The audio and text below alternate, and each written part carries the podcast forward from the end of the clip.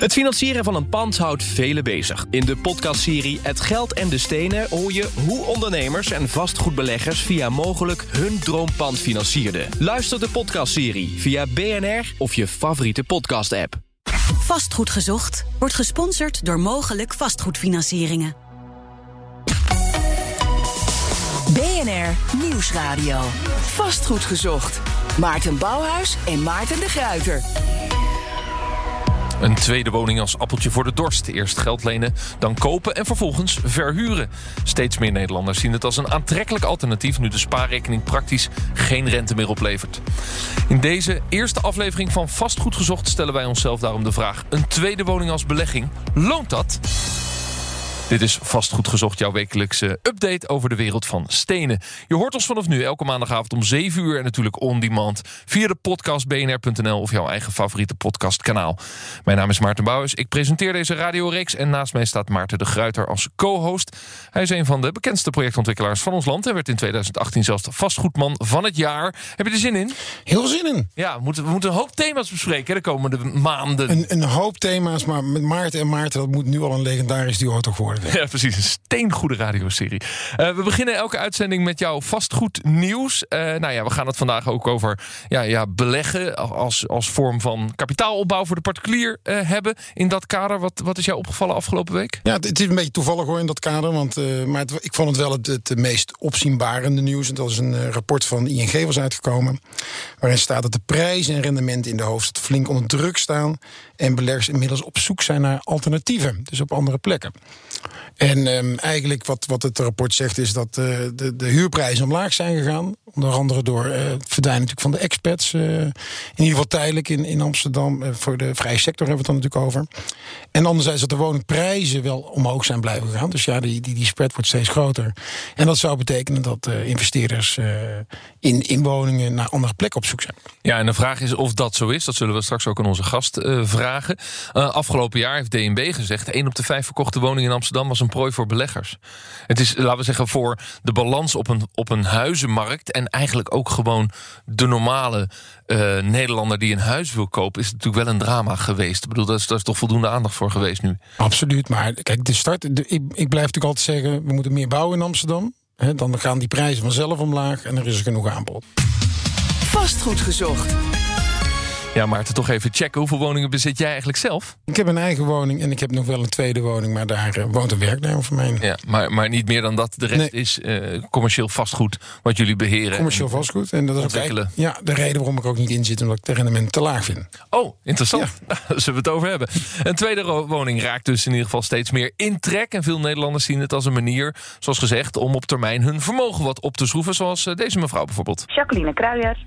ik heb een, afgelopen jaar een marionet gekocht in de binnenstad van Alkmaar. Dat is dan leuk, maar loont het ook echt, zo'n extra huis? Nou, dat zoeken we dus uit in deze eerste aflevering van Vastgoed Gezocht. Bij ons is Fleur Slaman. Zij is financieel planner en werkzaam bij Poundwise... een soort uh, one-stop shop voor financieel advies. Van harte welkom, Fleur. Hi. Uh, eerst maar eens even neerzetten. De cijfers, hoeveel mensen kopen een tweede woning?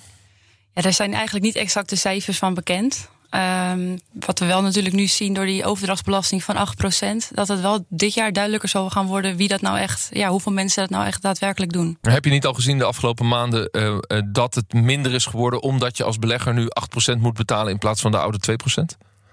Het wordt lastiger. Het wordt sowieso lastiger omdat de huizenprijzen stijgen. Nee, we zien niet dat beleggers zich terugtrekken, zeker niet. Nee. En als je nou naar vorig jaar kijkt, toen er dus veel is gekocht om te beleggen, wat voor woningen worden er dan gekocht?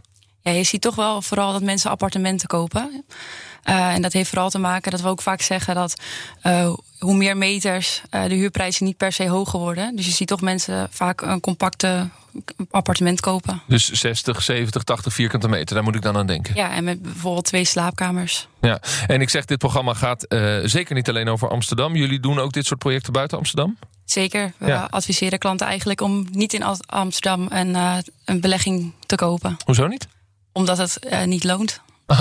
Om, omdat de prijzen te hoog zijn? Ja, de prijzen zijn te hoog. En wat zijn dan populaire steden gebleken afgelopen jaar? Ja, ook dat zie je al heel erg veranderen. Maar bijvoorbeeld Amstelveen uh, zagen we veel. Uh, maar we zien ook nu Haarlem. Ja, mensen gaan echt de randen opzoeken. Ja, nou daar zijn de prijzen toch ook niet meer te doen, Maarten?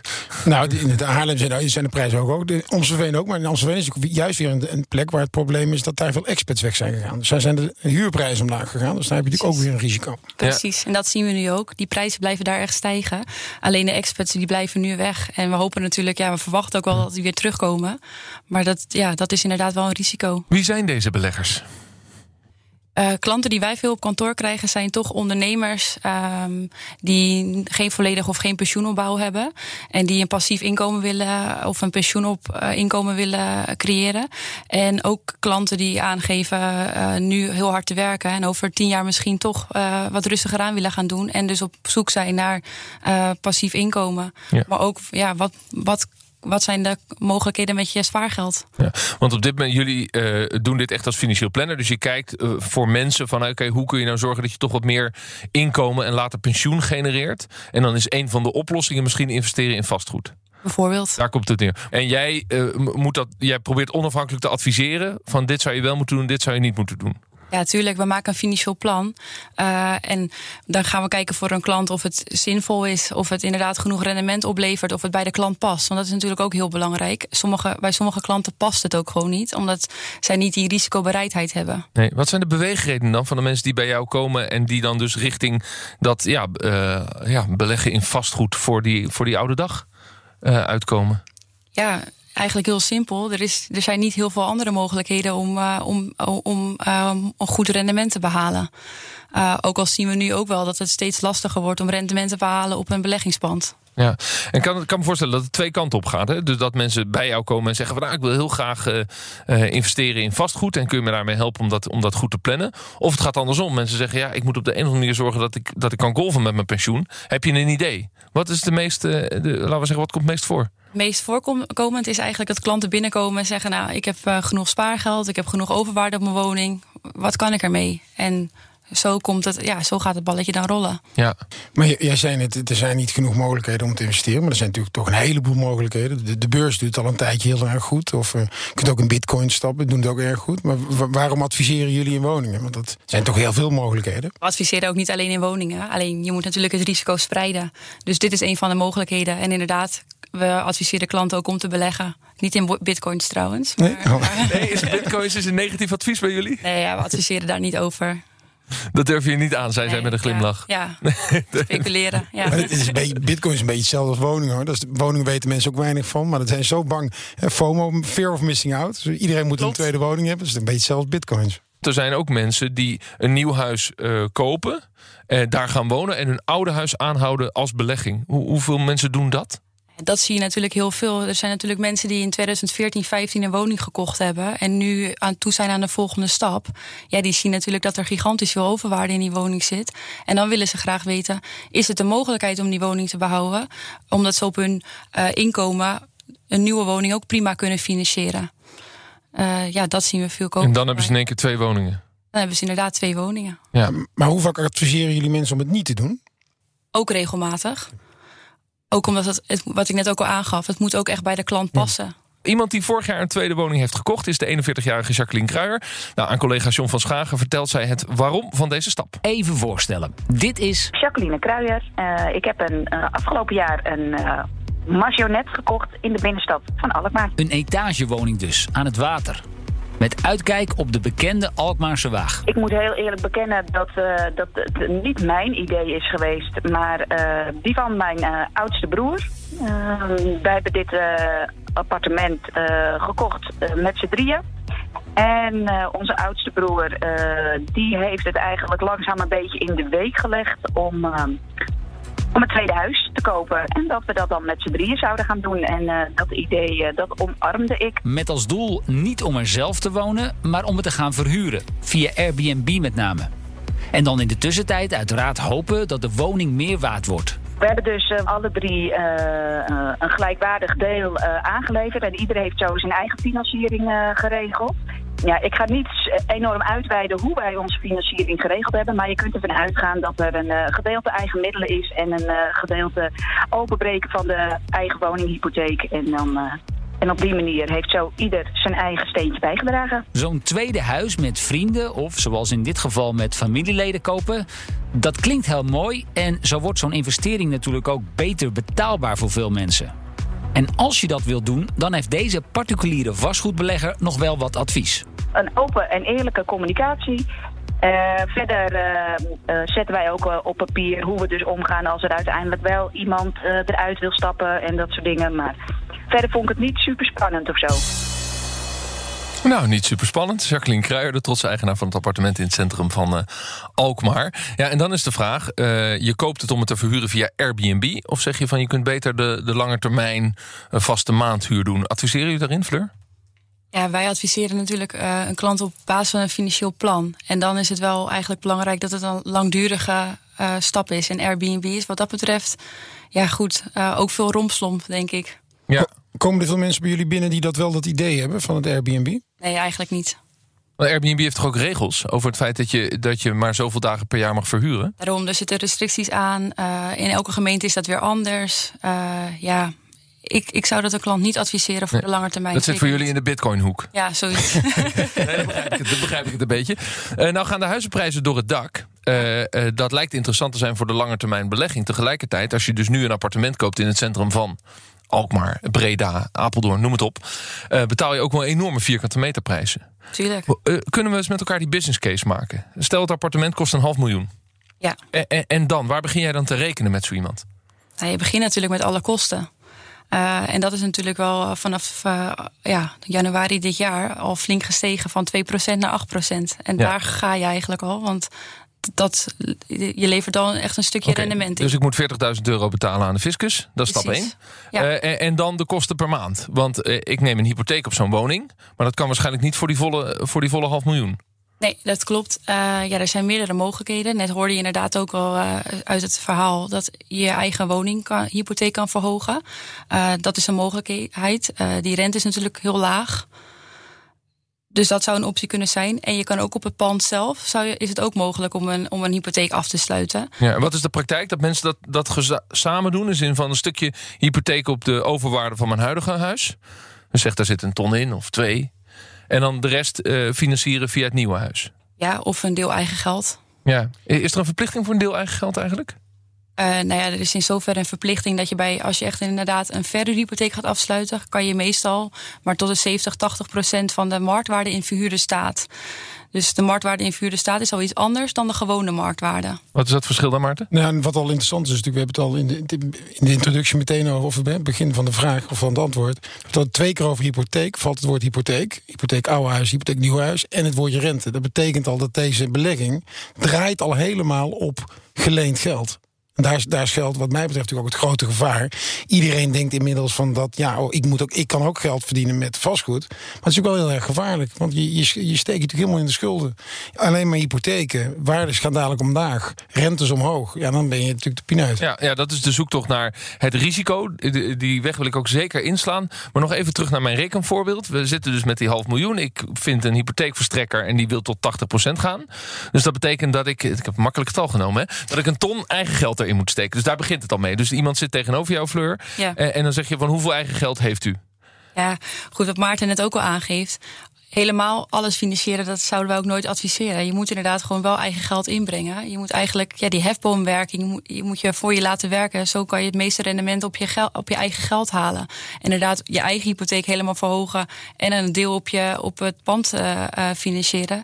Ja, dat zouden wij al niet adviseren. Nee, nou goed, iemand komt met die ton eigen geld en de Ja. rest wordt in een, in een hypotheekvorm gedaan. Eh, ehm, nou, stel het lukt om een mooie expert te vinden na de coronacrisis om daar 2000 euro in de maand te gaan betalen aan, aan huur. Ja. Eh, hoe ziet het risicoplaatje er dan uit voor jou als financiële planner? Nou ja, het komt er wel op neer dat je bijna ja, meer dan vier ton eigen, of, uh, hypotheek moet gaan afsluiten. Uh, en dan moet je een deel van gaan aflossen. Ik denk dat het, dit plaatje, hoe je het nu schetst, niet rendabel is. Dus het is best ingewikkeld, Maarten. Want 2000 euro huur is al best veel. Ja, dat is ook best ingewikkeld. Maar mensen nemen natuurlijk ook eh, genoegen, logisch, met een eh, laag rendement. Want het is natuurlijk, de courantheid is op dit moment natuurlijk groot van woningen. De prijzen blijven natuurlijk stijgen, de waarden blijven stijgen. Ja, en op de bank moet je ervoor betalen. Althans, eh, als je, als je genoeg hebt. Ja, de, dus wat zijn de rendementen die mensen uh, verwachten dat ze kunnen halen als ze dit gaan doen? Als ze bij jou binnenkomen, hè? Ze, ze hebben nog geen kennis, ze komen vol enthousiasme enthousiasme bij jou binnen. Ze hebben een pandje gezien in het centrum van Apeldoorn. Ik ga, daar, ik ga het doen. Ja, Wat die- denken ze dat ze kunnen verdienen? Ja, die verwachtingen moeten we vaak wel temperen hoor. Ja, nu is het denk ik ja, 4%. Dat, dat is haalbaar. dat is haalbaar. nu. Tussen de 4 Ja. en 6 is en met haalbaar. welke verwachting komen ze binnen? 10. Ja, ja, je kan genoeg op genoeg sites lezen dat eh 10% haalbaar is. Maar dat is gewoon, ja, dat is gewoon echt niet zo. Nee. En, en waar wordt die 6% dan verloren? Waar zitten de meeste, eh, laten we zeggen, eh, geldrisico's als gevolg waarvan dus dat rendement steeds lager wordt? Nou ja, de aankoopprijs begint het natuurlijk al. eh, eh, de overdrachtsbelasting. Maar inderdaad ook waar je aankoopt. eh, hoeft niet per se ook een hele goede verhuurmarkt te zijn. Jij zegt nu 2000 euro op een pandje van 5 ton. Ja, dat kan ook, dat kan ook 1600 zijn. Ja, en in Apeldoorn misschien 1300. Precies. Ja. Ja, en, en, en mensen vergeten natuurlijk allerlei kosten die erbij komen. Hè. Dus, dus eh, qua onderhoud en lange termijn investeringen, en een maandje leegstand, eh et cetera. Ja, dat is iets wat wij wel mee rekenen. We rekenen vaak maar met 11 maanden huur. Eh, inderdaad, die onderhoudskosten, daar vergissen mensen zich heel erg in. En daarom is het ook gewoon heel erg belangrijk dat je niet met al je geld in zo'n woning stapt. Je moet altijd een buffer hebben om dat te kunnen dragen. Ehm, het voordeel van een appartement is dat je eh, een, eh, een VVE hebt. Dus het is altijd goed als je een appartementje koopt, dat je goed checkt of die vereniging van eigenaren gezond is. Zodat als er dan groot onderhoud aan het pand moet gebeuren, dat je daar al een soort van eh, ingedekt bent. Maar dat betekent dus, je kunt naar de aankoop kijken van de woning. Maar jij gaat als financieel planner ook kijken naar... oh, u wil in deze stad in Nederland, of dat nou Tilburg is of Breda of waar dan ook... wil u een appartement kopen? En hoe ziet die verhuurmarkt er eigenlijk uit? Dat neem jij mee in je analyse? Ja, nou ja, toevallig hadden we laatst een klant inderdaad die eh, in een van die steden een woning wilde aankopen. En hij had het een mooi pandje aangekocht voor een mooie prijs. Hij had het al gekocht. En Nou toen ja, kwam hij bij jou. Nee, hij, hij, was aan het, hij was eh, van plan het te gaan kopen. Toen Ja. kwam hij bij ons. En toen gingen wij inderdaad die rekensom maken. Ja, toen schrok hij inderdaad over het feit van ja, eh, de VVJ-kosten waren heel hoog. En de huur, ja, dat was helemaal niet zo'n goede verhuurmarkt. En dat is iets waar mensen zich heel snel in vergissen. En toen heeft hij het uiteindelijk niet gedaan. Toen heeft hij het inderdaad niet Ja. gedaan. En, en het andere aspect van de verstopte wc en, eh, en eh, laten we zeggen, gedoe met lekkages. Wordt dat onderschat? Ja, ik denk het wel. Het is niet het eerste waar klanten aan denken natuurlijk. Ze zien natuurlijk eh, het rendement en het geld, maar ze zien niet de keerzijde. Eh, ja, hoe je dat kan voorkomen is door een makelaar te laten vuren voor je. Maar goed, dat gaat meteen ten koste van je rendement. Maar je zult wel moeten, want als je het zelf gaat, die wc gaat ontstoppen, dan valt het niet meer in box 3. Dat klopt. Oh, Ja. hoe werkt dat dan? Nou, je, kijk, als jij een woning koopt privé, dan krijg je dat rendement in box 3, maar dan mag je er zelf geen werk aan verrichten. Logisch. Dus op het moment dat jij zelf daar gaat staan, eh, bijvoorbeeld gaan klussen. Hè, als, de, Of, of de de huurder gaat schoonmaak bij een nieuwe huurder? Nou ja, je moet niet, als, je, als jouw huurder weggaat en jij denkt, nou, het het heeft eigenlijk wel een likje verf nodig en jij gaat zelf staan schilderen. Dat mag niet, dat mag gewoon niet. Dan, dan heb je dus het gevaar dat, het in, eh, dat je het in box 1 krijgt. Want dan wordt het ineens ehm, loon eigenlijk. Hè? Dan wordt het gewoon loon. Dus het betekent automatisch dat op het moment dat mensen dit doen en je wil het in box 3 houden, hè, belasting op vermogen, dan moet je dus zorgen dat je, dat je afstand houdt van dat pand. Dus dat je ook de services eromheen uitbesteedt. Ja, kijk, en eerlijk, dat willen klanten ook. Eh, de meeste klanten hebben er eigenlijk ook geen tijd voor om dat ook nog eens ernaast te gaan doen. Nee, maar ik kan me voorstellen, Maarten, dat, dat hier ook mee gegalopeerd wordt. Dat, dat mensen Zeker. wel gaan schilderen, omdat ze de zomer over hebben en door corona toch niet naar het buitenland kunnen. En denken, nou doe ik het schilderwerk zelf wel. En, en het toch in box 3 zetten. Dus dat dat niet altijd even goed gaat. Nee, maar mensen doen wel vaker dingen die niet mogen. Nee, mensen rijden wel hard. Dat, dus, maar dit valt, dit Dat valt mag niet. Nee, maar het is, Nee, nee, nee, maar het is wel een hele belangrijke. Want mensen ver- vergissen zich dus ook daarin. En denken van, nou ja, dat soort dingen doe je zelf. Maar je moet het gewoon echt niet doen. Want het is gewoon, ja, je loopt gewoon groot risico. Oké, dan een ander groot risico. De huizenmarkt dondert in elkaar. Ja. Dan gebeuren er twee dingen. Ik heb het mede gefinancierd met een extra hypotheek op mijn staande woning. Eh, die prijs eh, komt onder water, want ik heb het eigenlijk te vol hangen met hypotheken. En dat geldt ook nog voor de nieuwe, voor de tweede woning die ik ergens heb. En door een slechte economisch tij heb ik ook geen huurder. Eh, kunnen mensen hier ook gewoon persoonlijk failliet aan gaan als, als we dit doen?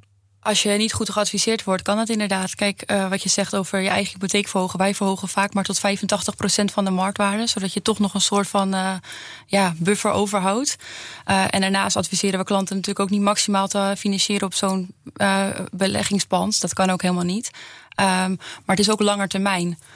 Dus je moet het zo indelen dat je het altijd kan blijven betalen. Dat je een buffer hebt. En dat je dan die tijd kan uitzitten. En dat hopelijk de markt dan weer aantrekt. Maar als die ondernemer van een jaar of 50 bij jou komt, Ja. wat is dan lange termijn in, in jouw eh, taal?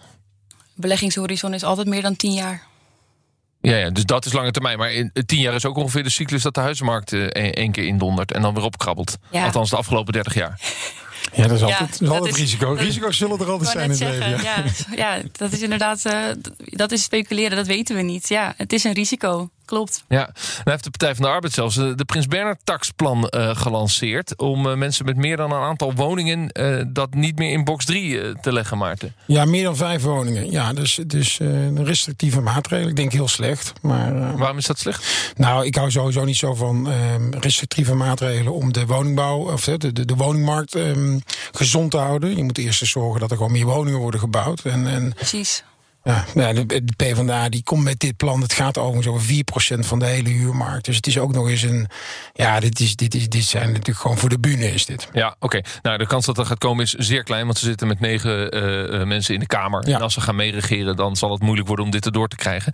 Dus dat zullen we zien. Een ander aspect is die overdrachtsbelasting, hebben we het net al even over gehad. Werkt dat, eh, Fleur? Zie jij in de praktijk dat doordat die belegger nu die 8% moet betalen, dat die afhaakt of dat, het, nou ja, dat er minder risico komt voor die markt?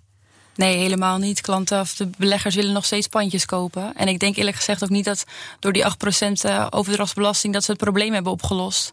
Ehm, nee, eigenlijk eh, werkt dat dus niet. Nou ja, het doel is natuurlijk dat iemand gewoon woningen gaat kopen om erin te wonen. Hè? Dat, dat is de intentie van deze, van deze maatregel. Ja, dat klopt. Maar jij denkt, mensen komen nog steeds bij mij, willen het nog steeds proberen, ondanks die 8%. In mijn rekenvoorbeeld 40.000 euro. Vloep, weg. Ja.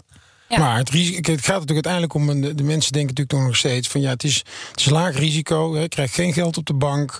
Ik, ik, ik begrijp het. dit is ook heel tastbaar een woning. Vastgoed is überhaupt natuurlijk heel tastbaar. Dus dat blijft natuurlijk wel, dat blijft natuurlijk wel gewoon bestaan. Mhm. Als we nou, eh, Fleur, jou aan het einde van dit jaar eh, uitnodigen. En we weten natuurlijk niet precies hoe corona zich gaat ontwikkelen. Maar laten we ervan uitgaan dat we op de een of andere manier er een beetje uitkomen. En, we, en het leven weer iets normaler wordt. Ook in het najaar. Als de Laten griepvirussen, laten we zeggen, weer op geld doen. En wij allemaal gevaccineerd zijn. En de horeca gewoon open kan blijven. Dat Nou. laten we het allemaal open. Maar stel, we nodigen jou tegen die tijd uit. En jij kijkt dus terug op jouw portefeuille van het afgelopen jaar. Wat denk je dat er gebeurt? Zijn er nog net zoveel mensen als vorig jaar in zo'n tweede woning gestapt?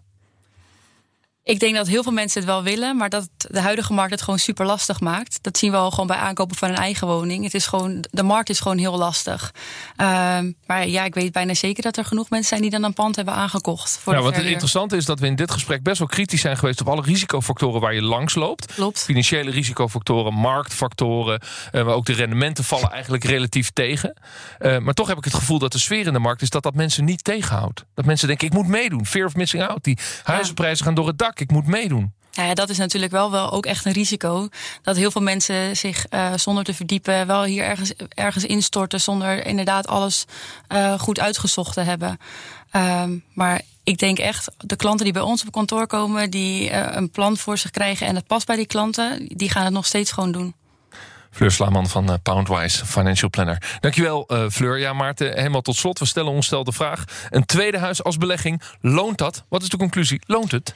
Ik denk het zeker, ja. Het is, uh, ja je moet, je, ik, ik, denk dat je er niet rijk van wordt, van het rendement. Maar het is, uh, het is wel een, een vrij zekere belegging. Oké, okay, dus het is een zekere belegging. Uh, het loont een paar procent. Ja. Uh, maar als je dat nou op een lange horizon kijkt, 10 of 20 jaar, dan zeg je dan zijn de risico's relatief laag. Ja, en ik denk dat de, de, de, de prijs van de woningen, de waarde blijft gewoon zal blijven stijgen. Op de lange termijn. Misschien een keer een kleine dip, maar die blijft stijgen. Ja, nou ben jij een echte vastgoedman in, in hart en nieren, zoals ik je heb leren kennen. Uh, moet je, als je dit gaat doen, ook wel een beetje vastgoedliefde hebben? Dus dat je zorgt dat je het niet alleen maar voor het geld doet, maar dat je ook iets hebt met beleggen in stenen. Is dat belangrijk? Ja, dat denk ik wel. Hoeft niet per se, natuurlijk denk ik wel. Ik denk overigens dat best wel veel mensen wel iets hebben met stenen en met gebouwen. Dat, meer mensen dat hebben dan dat ze weten. Maar het, is gewoon een, goede belegging. Ik denk overigens dat het goed zou zijn om juist te faciliteren in nieuwbouwbeleggen. Om juist die nieuwbouw te stimuleren. Dat zou ook goed zijn voor de kleinere beleggers. Maar ik denk dat dit, dit, dit blijft natuurlijk gewoon doorgaan. Het is alleen ontzettend belangrijk, maar dat hebben we vandaag ook gehoord. Is dat mensen goed geadviseerd worden. Want er zitten natuurlijk wel risico's aan. En, en mensen die zich overfinancieren of dat stukje eigen geld, want dat gebeurt natuurlijk ook. Dat, en dat hoeft Fleur niet eens altijd te weten. Is dat dat stukje eigen geld ook nog eens geleend wordt bij iemand. Ja, en dan, dan ga je jezelf natuurlijk wel uh, schuld op schuld uh, stapelen. Ja, dus uh, ons, terwijl wij niet mogen adviseren van, van de AFM, maar ons advies is: laat je goed adviseren. zullen we zeggen. Volgende week zijn we er weer. En dan zoeken we uit welke smaken je allemaal hebt om vastgoed te financieren. Tot volgende week. Bedankt voor het luisteren. Dag. Vastgoed gezocht wordt gesponsord door mogelijk vastgoedfinancieringen.